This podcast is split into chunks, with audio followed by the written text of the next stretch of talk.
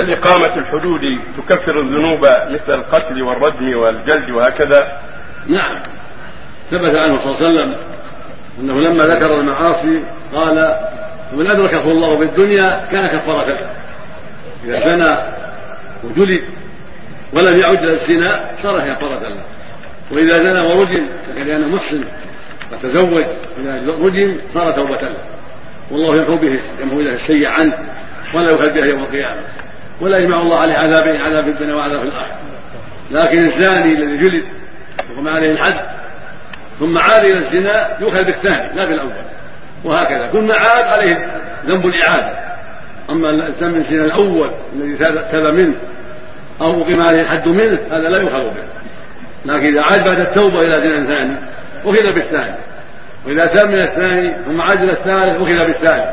وهكذا الرابع وهكذا الخامس. كل ذنب يتوب منه لا يؤخذ به لكن إذا عاد إلى شيء آخر جديد أخذ بالجديد حتى يتوب.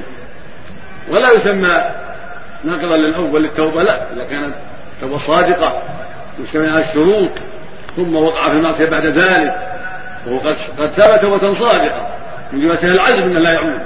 ولكن بلي بالشيطان وعاد والعياذ بالله هذا يؤخذ بالذنب الأخير حتى يتوب إلى الله منه.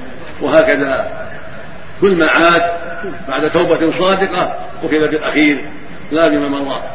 نسأل الله السلامة. نعم.